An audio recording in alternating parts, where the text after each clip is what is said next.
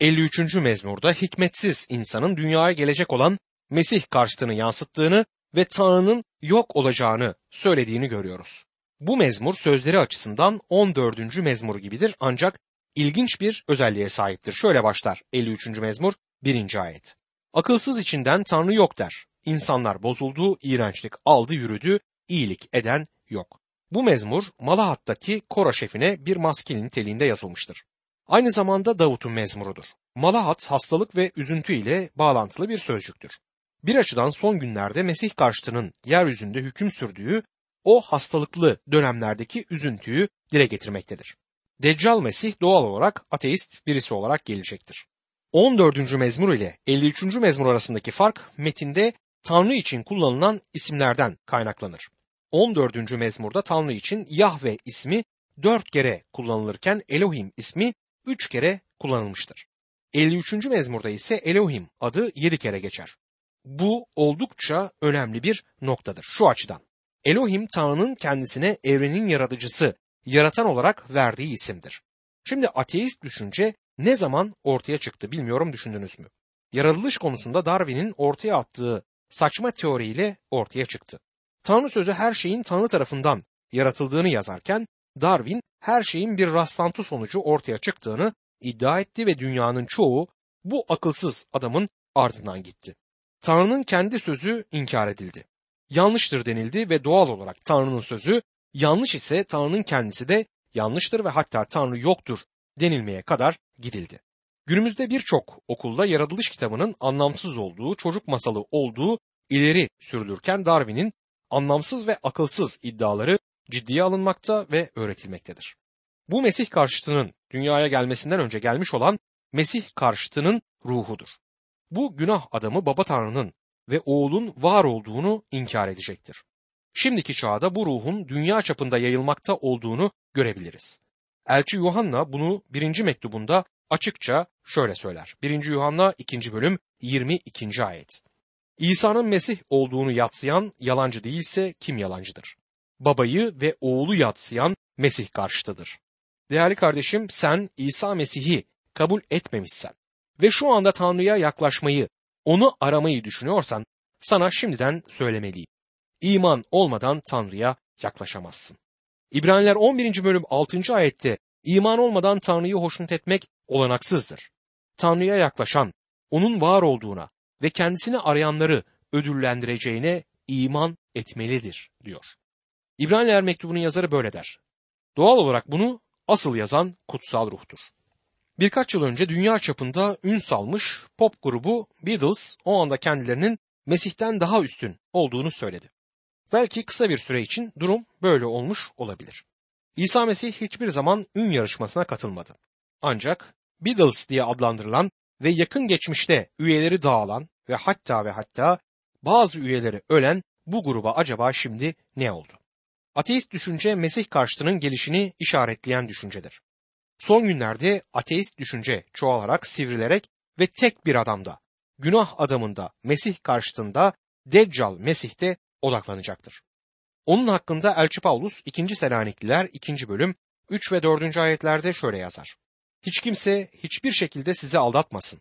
Çünkü imandan dönüş başlamadıkça mahvolacak olan o yasa tanımaz adam ortaya çıkmadıkça o gün gelmeyecektir.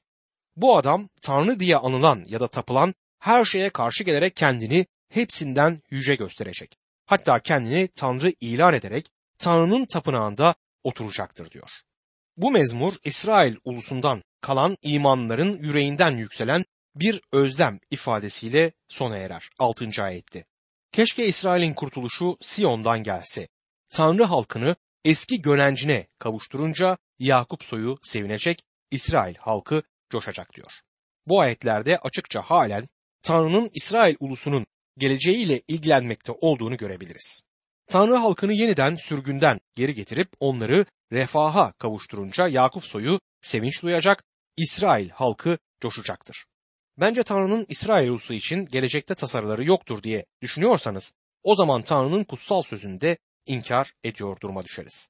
O zaman işi bir adım daha ileri götürüp kutsal kitap Tanrı sözü değildir demelisiniz.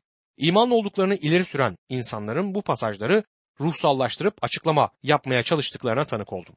Vahiy kitabını ruhsallaştıran, soyutlaştıran insanlar ve hatta İncil okulları bile bulunur. Bence kutsal kitap yazıları ruhsallaştırılmakla bu yazıları inkar etmek arasında bir fark bulunmaz. Ateist adam Tanrı yoktur. Onun için onun sözü de olamaz deyip kutsal kitaba inanmaz. İmanlı olduğunu söyleyen ama kutsal yazıları ruhsallaştıran, onu soyutlaştıran kişi bu noktada ateistten farksızdır. Kardeşim Tanrı daha İsrail ulusu ile hesabını bitirmedi. Onun için tasarıları vardır. Ve burada da bu özlemi görüyoruz. Keşke İsrail'in kurtuluşu Siyon'dan gelseydi. Eminim ki bir çocuk bile burada Tanrı sözünün ne dediğini anlayabilir. Siyon, Siyon demektir. Yakup ise Yakup. Bunlara gizli kapaklı anlamlar takmaya gerek yok. Bu ayeti tam olduğu gibi görmeliyiz ve inanıyorum ki Tanrı onların duasına cevap verecektir. Bir kez daha İsrail ulusu ile yakından ilgilenecektir. 54. mezmurda Mesih karşıtının döneminde yükselen iman seslenişini duyarız. Bu kısa mezmur diğerlerinin arasına özel bir amaçla konulmuştur.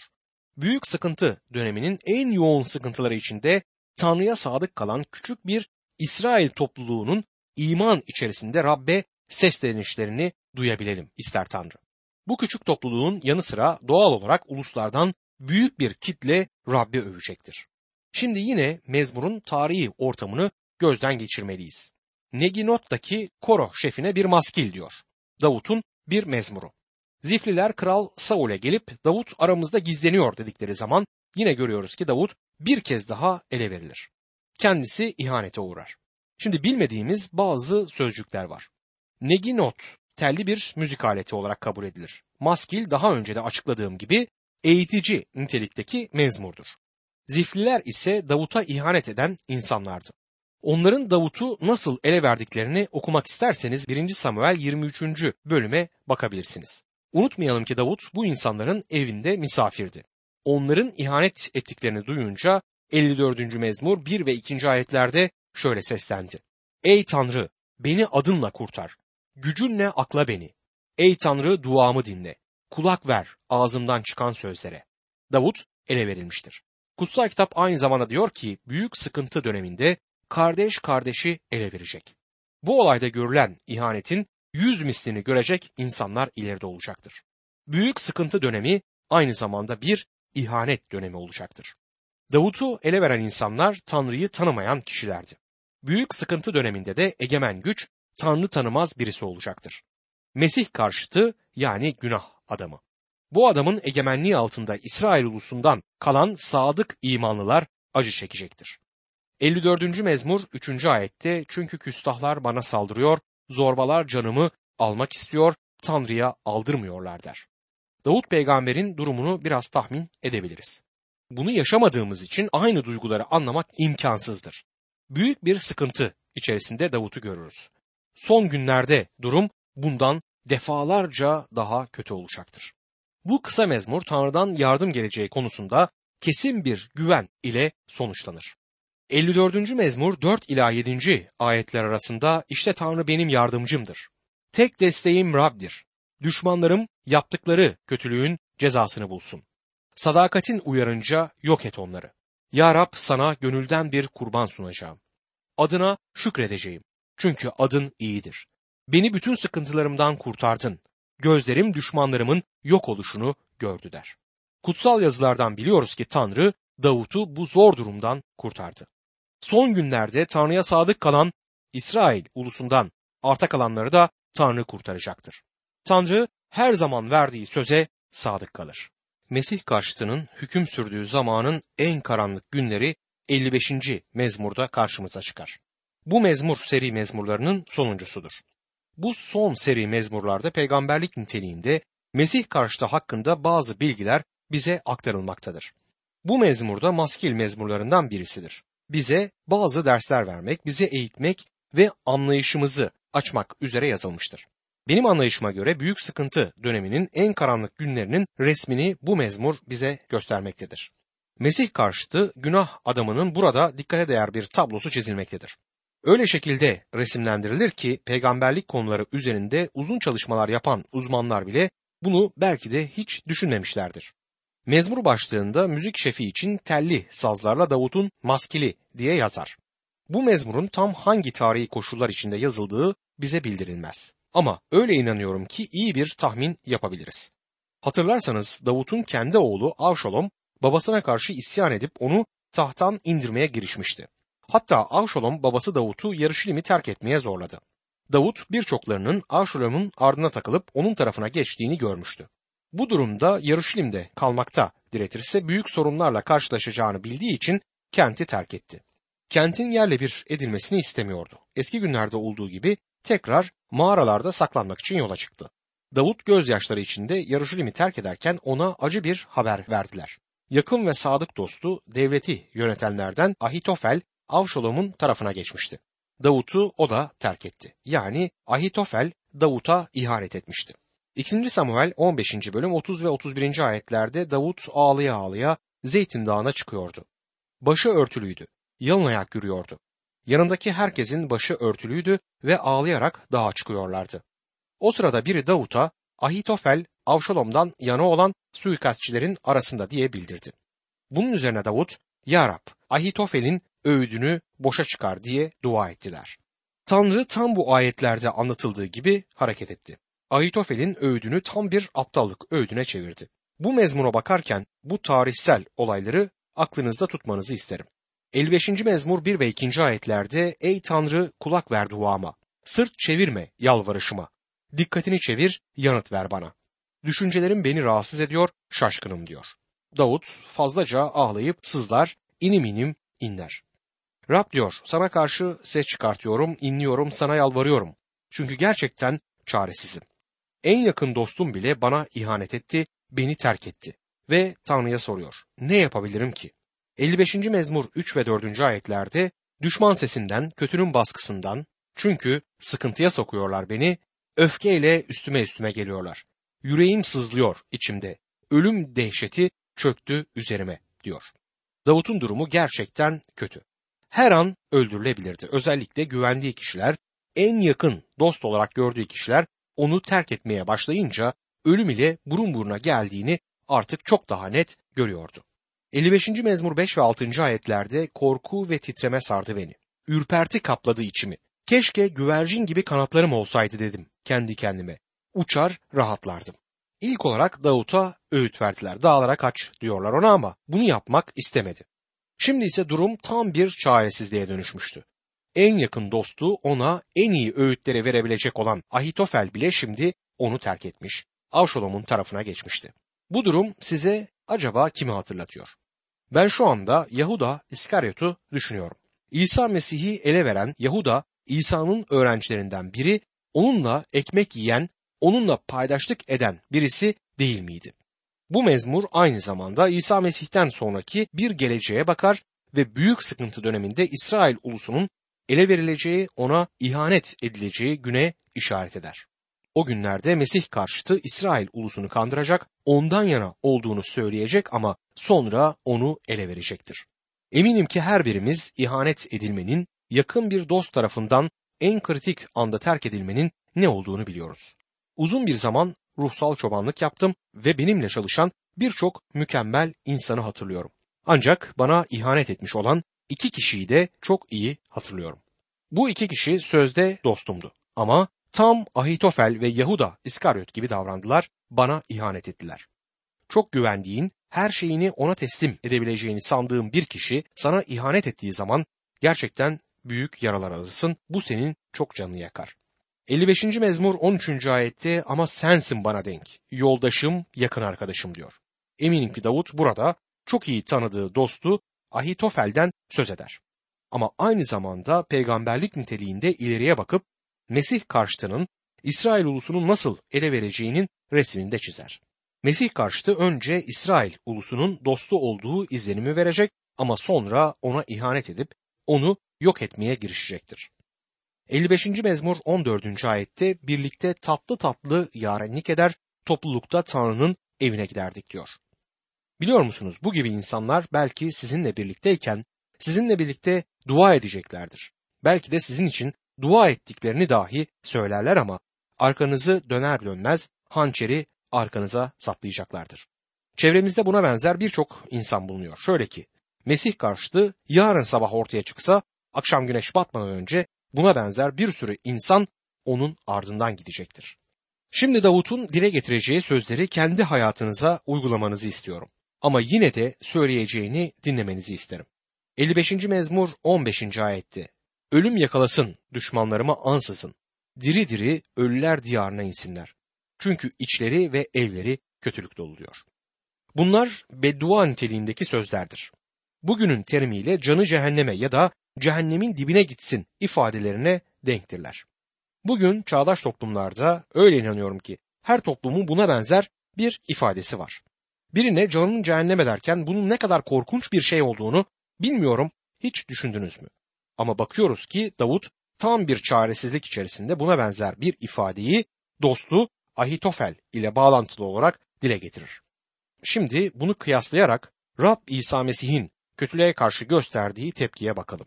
Ona kötülük edenlere karşı kötülükte bulunmadı. Tersine onlar için dua etti. Bizim de Tanrı İsa gibi tepki göstermemizi ister. Davut gibi değil. 55. mezmur 16 ve 17. ayetlerde bense Tanrı'ya seslenirim. Rab kurtarır beni.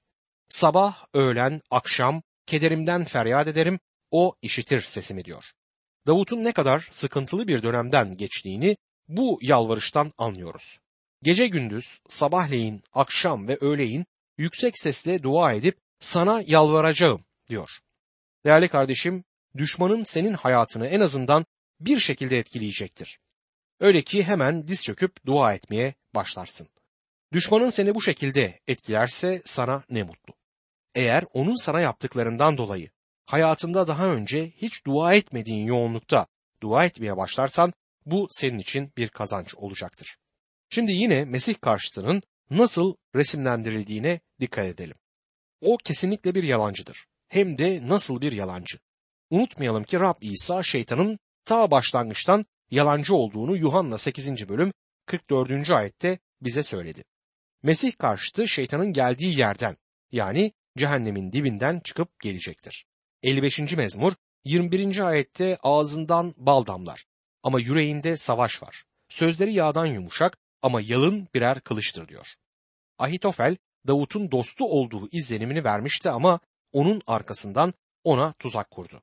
Ahitofel ve Yahuda İskaryotlar ileride gelecek olan Deccal Mesih'in gölgesi birer yansımasıdır. 55. mezmur 22. ayette yükünü Rabbe bırak, o sana destek olur. Asla izin vermez doğru insanın sarsılmasına diyor. Çok değerli kardeşim, Mesih İsa'ya iman etmişsen, onun kutsal ruhu ile yönlendirilmek istersen, düşmanlarını Tanrı'ya teslim et. Romalılar 12. bölüm 19. ayette sevgili kardeşler, kimseden öc almayın. Bunu Tanrı'nın gazabına bırakın. Çünkü şöyle yazılmıştır. Rab diyor ki, öc benimdir, ben karşılık vereceğim. Sana birisi ihanet mi etti? Onu Rab'be teslim et. Dualarında Rab ben bu kişiye gerekeni yapamam, sen bunu yap diye onu Tanrı'ya teslim et. Ben yıllar boyunca ruhsal çobanlık yaptım ve herhalde hem tecrübelerimden hem de kutsal yazılardan edindiğim bilgiden dolayı bu konu üzerinde yetkiyle konuşabilirim. Tecrübelerimden öğrendim ki Rab benim düşmanlarıma gerekeni yapar ve bunu benden çok daha iyi ve adil biçimde yapar. Bunu tam nasıl yapacağını o bilir. Ben ise ne yapacağımı bilmiyorum. Bir şey yapmaya girişsem yüzüme gözüme bulaştırırım. Yükünü Rabbin üzerine bırak ve o her şeyi halledecektir. Büyük sıkıntı döneminde de İsrail ulusu bu muhteşem ilkeyi öğrenecektir. Rabbe güvenip düşmanlarını onun eline bırakmasını da bu ulus öğrenecek. Sonunda İsrail de Rabbe dönecektir. Çünkü gidilecek başka hiç kimsesi olmayacaktır. 55. mezmur 23. ayette ama sen ey Tanrı ölüm çukuruna atacaksın kötüleri. Günlerinin yarısını görmeyecek katillerle hainler. Bense sana güveniyorum der. Sen bugün ne durumdasın? Bu soruyu kendime de soruyorum. Ben bugün ne durumdayım? Bugün bu kötü dünya içerisinde nasıl yaşamalıyız? İnsanlar bize kötülük etti diye onları eleştirip kötüleyecek miyiz? Birisi bize karşı haksızca davranırsa, dostluğumuza ihanet ederse hemen ağlayıp sızlamaya, lanetler yağdırmaya mı başlayacağız? Hayır. Rabbe güvenmesini öğrenelim. Çünkü tek çıkış yolu budur. Davut'un korkularını ve güvenini 56. mezmur bize aktarır. 56. mezmur ile başka bir mezmur serisine gireriz. 56. mezmurdan 60. mezmura kadar aynı konu üzerinde durulacaktır. Bunlara Mihtam mezmurları adı verilir. Mihtam ne demektir? Kalıcı, dayanıklı ve somut şeylerden söz eder. Bir şey üzerine kazınmış, değişmeyen ve yerinden kaldırılamayan şeylere değinir. Örneğin 57. mezmurda Davut diyor ki yüreğim sabittir. İşte bu ifadede mihtam sözünü görebiliriz. Kutsal kitap yorumcularından birisi bu mezmur hakkında bu mezmur kaçmakta olan bir adama cesaret veren bir yazıdır diyor. 55. mezmurda Davut kaçabilmek için Rab'den kanatlar istemişti. Çölde bir yere gidip orada saklanabilsin diye Rab'den 55. mezmur 6 ve 7. ayetlerde kanat ister. Bu mezmurda isteği yerine gelir. Düşman dışarıdadır ve Davut büyük bir tehlikenin ortasındadır. Kötü insanlar onun çevresini sarmışlar, ona kötülük yapmak için hazır beklerler. Ama yine de Tanrı onu tüm bu imkansız koşullar içerisinden çekip kurtardı. Bu mezmurun gerisindeki tarihi olaylara bakarsak görürüz ki Filistliler Davut'u Gat'ta yakaladıkları zamanı bu mezmur dile getirir. Davut'un tecrübesi ileride yer alacak olan büyük sıkıntı döneminin bir resmidir. Bu serideki bütün mezmurların peygamberlik niteliğinde anlamları bulunur. Davut'un tecrübesiyle büyük sıkıntı döneminde İsrail'in yaşayacağı tecrübeler arasına da bizim tecrübelerimiz sıkıştırılabilir. Mezmurların hepsinde bugün kendi hayatımız için bir mesaj bulabiliriz. Bu mezmurun başlığı şöyle diyor. Müzik şefi için uzak yabanıl fıstık ağaçlarındaki güvercin makamında. Davut'un miktamı. Gat kentinde Filistliler kendisini yakaladığı zaman. 56. mezmur 1 ve 2. ayetlerde acı bana ey Tanrı çünkü ayak altında çiğniyor insanlar beni. Gün boyu saldırıp eziyorlar. Düşmanlarım ayak altında çiğniyor beni her gün. Küstahça saldırıyor çoğu der. Davut'un çevresi düşmanlarıyla çevrilmiştir. Sanki hiçbir kurtuluş umudu bulunmaz. Böyle çaresiz bir durumda ne yapacaktır? Her birimiz kendimizi Davut gibi böyle çaresizlik içinde her zaman bulmayız ama çaresiz durumlarda biz ne yapıyoruz? Bakın Davut böyle durumlarda ne yaptığını 56. mezmur 3. ayette şöyle açıklar. Sana güvenirim korktuğum zaman. Davut korkuyor muydu? Tabii ki korkuyordu. Böyle bir durumda korkmayan insan bulunur mu bilmiyorum. Bazen yakın dostlarıma itiraf ediyorum, yüksek yerlere çıkmaktan korkarım. Bazıları bunu tuhaf bulurlar. Bana soruyorlar nasıl oluyor da korkuyorsun? Sen Rabbe güvenmiyor musun? Kardeşim korkmak doğal bir tepkidir. İnsanlığımızın korku bir tepkimesidir. Bize Rabbe daha fazla güvenmemizi öğretir. Davut ne diyor? Korktuğum zaman sana güvenirim. Birisi korku yaratıcı bir durumda kalkıp da bana ben korkmuyorum derse ben o zaman diyeceğim ki bu insanlar onları tehdit eden tehlikenin boyutlarını bilmiyorlar ya da sezmiyorlar. Tehlikeyi sezen kişi kesinlikle korkar.